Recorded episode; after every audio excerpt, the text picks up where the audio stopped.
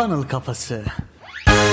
Merhabalar, merhabalar, merhabalar. Funnel Kafası podcast serisine hoş geldiniz. Ben Hasan. Ben Emre. Bu bölümde Funnel kafasının altı sacayağının ilki olan mantaliteye dair bir konudan bahsedeceğiz dostlar. Hayır diyebilmek. Evet konumuz bu. Hayır diyebilmek. Çok güçlü ve muazzam bir kaldıraç aslında bu. Birazdan bu konuya daha detaylı bir şekilde anlatmaya çalışacağız ama öncelikle şunu bilmemiz lazım. Biz bir kültür olarak daha az hayır diyen bir ülkede yaşıyoruz aslında. Evet Hasan burada hayır diyebilmek tüm dünyada aslında bahsedilen ve konuşulan önemli bir kaldıraç diyelim. Burada içinde bulunduğumuz toplumu tanımak, kültürü tanımak çok önemli. Neden? Farkındalık açısından. Biz toplum olarak kimseye hayır diyemeyen yani daha az hayır diyen bir toplumuz. O yüzden bu farkındalığa erişmek de neden hayır diyemediğimizi bilebilmek adına önemli. Bazen de Emre abi hiçbir şey yapmamak aslında daha iyi. Hayır demekle ilgili esas konu aslında şu. Hayatımızın içerisinde belki de yapmak istediğimiz birçok şeye istemsizce evet diyoruz. Kendinizi bir tartın bir düşünün. Nelere istemeden evet diyorsunuz? Burada Hasan benim kullandığım bir yöntem var. Bunun farkına vardığımdan beri yani biz çok çabuk evet diyoruz. Her şeye çok çabuk evet diyoruz demeye başladığımdan beri şöyle bir şey yapıyorum. Bana sunulan ilk teklife ya da karşıma gelen ilk şeye ilk başta direkt hayır diyorum. Hatta seninle de bir ara muhabbeti olmuştu böyle. Evet ilk başta bir hayır diyorum. Yani bu hayır illa kendimi o teklife o şeye kapatmak anlamında değil de. Hayır. Önce ben buna bir hayır diyeyim. Sonra bu gerçekten evet mi? Yani benim için bir şey ifade ediyor mu? Ya da işte ne bileyim buna yatırım yapmalı mıyım? Enerjimi dikkatimi vermeli miyim? Böyle düşünüyorum. Yani aslında çocukluğumuzdan beri böyle zihnimize kodlanan birileri bir şey istediği zaman evet demeyi sen perçinlemek adına hemen bir hayırla başlatıyorsun. Öyle değil mi? Evet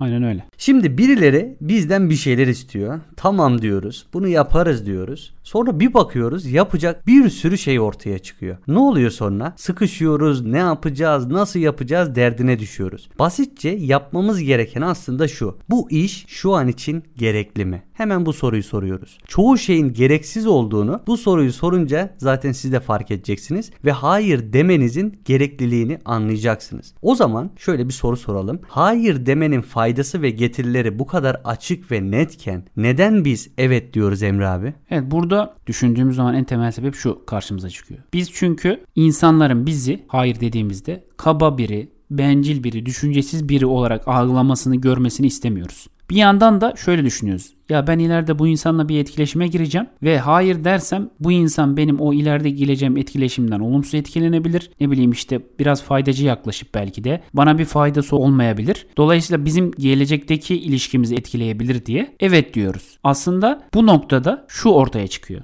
Biraz bencilce, evet burada dediği gibi biraz bencilce düşünüp biraz belki de kendimizi düşünüyormuşuz gibi yaparak, böyle davranarak önce hayır demeliyiz. Karşıdaki kişinin ne düşündüğü, ne yaptığı elbette önemsiz değil. Önemli ama bizim her zaman hani bir tane tabir var ya onu çok seviyorum ben. Oksijeni ilk başta kendine sonra işte arkadaşına, çocuğuna ya da uçakta anlatıldığı gibi yanındakine tutman lazım. Aynı bu misal bizim önce oksijeni kendimize tutmamız lazım. Hayır diyerek ne yapmış oluyorsun? Sen oksijeni önce kendine sağlamış oluyorsun. Önce kendine bir alan açmış ve sağlıklı düşünmüş oluyorsun. Ve belli bir süre bu hayırı devam ettirdiğimizde karşımıza ne çıkıyor? O insanlar gerek network'ümüz olsun, gerek ailemiz, gerekse arkadaşlarımız olsun sizin ve bizim yani sınırlarımızı bilmiş oluyor belli bir seviyede artık hayır demeye başladığımız zaman karşı taraf diyor ki ya ben bunu Hasan'a söylersem, Emre'ye söylersem hayır diyecek buna. Ha, o zaman ona evet diyebileceği bir şekilde anlatayım diye düşünürse bu sefer karşı taraf sizin de çıkarınızı ön plana alıp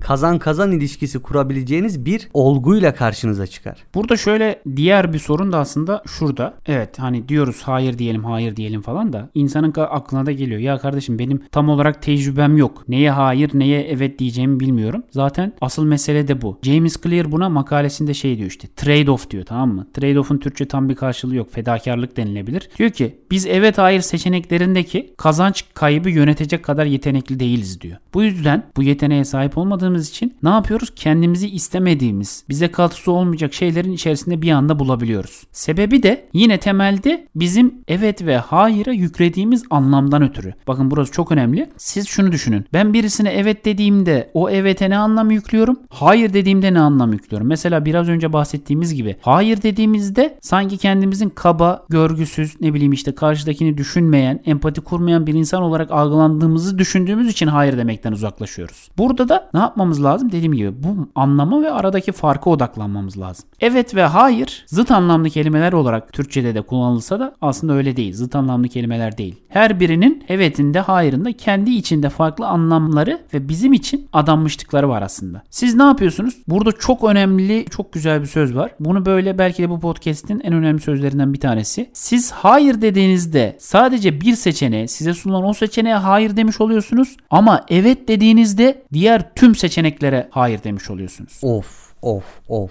Söze bak. Bak çok önemli. Bir tane örnek verelim. Birisi geldi mesela bana dedi ki ben şimdi dijital pazarlama yapıyorum. Emre dedi ben bir Etsy işi kuruyorum. Benimle Etsy'de ortak olur musun? Ben hayır dediğimde sadece onunla bu Etsy işine ortak olmama konusunda hayır demiş oluyorum. Dur Emre abi şu vazgeçilmez kültleşen cümleyi kurmadın ama. Ya bak çok az zaman harcayacağız. Sonra o kendi kendine gidecek. 1-2 ay çalışacağız ve sonra kendi kendine ilerleyecek dedi. dedi. Ben de dedim ki hayır dedim. Ben dedim dijital pazarlamaya odaklanmak istiyorum. Ne yapmış oldum? Etsy'ye hayır demiş oldum sadece. Ama ben eğer o Etsy ortaklığına evet desem bana bundan sonra gelebilecek belki benim dijital pazarlamada funnel işinde derinleşmeme imkan tanıyacak bütün fırsatlara hayır demiş oluyorum. Çünkü niye? Oraya belli bir mesai harcayacağım. Etsy ile öğreneceğim, uğraşacağım vesaire. Ya da önüme çıkabilecek diğer fırsatların hepsine hayır demiş oluyorum ona evet diyerek. O yüzden tekrar edelim baştaki cümleyi. Hayır dediğimizde sadece bir seçeneğe hayır diyoruz ama evet dediğimizde diğer tüm seçeneklere hayır demiş oluyoruz. Burada şöyle bir örnek daha verebiliriz. Bir danışanımız bize geldi. İşte dedi ki reklamlarda şöyle bir şey mi yapsak veya e-mail otomasyonunda şöyle bir kurguya mı girsek dedi. Normal şartlar altında ne düşünürsün? Ya işte hani neticesinde bizim müşterimiz hani dediğine evet diyelim ve uygulayalım. Ama sizin orada bir otorite göstermeniz gerekiyor. Dediği doğruysa okey uygula.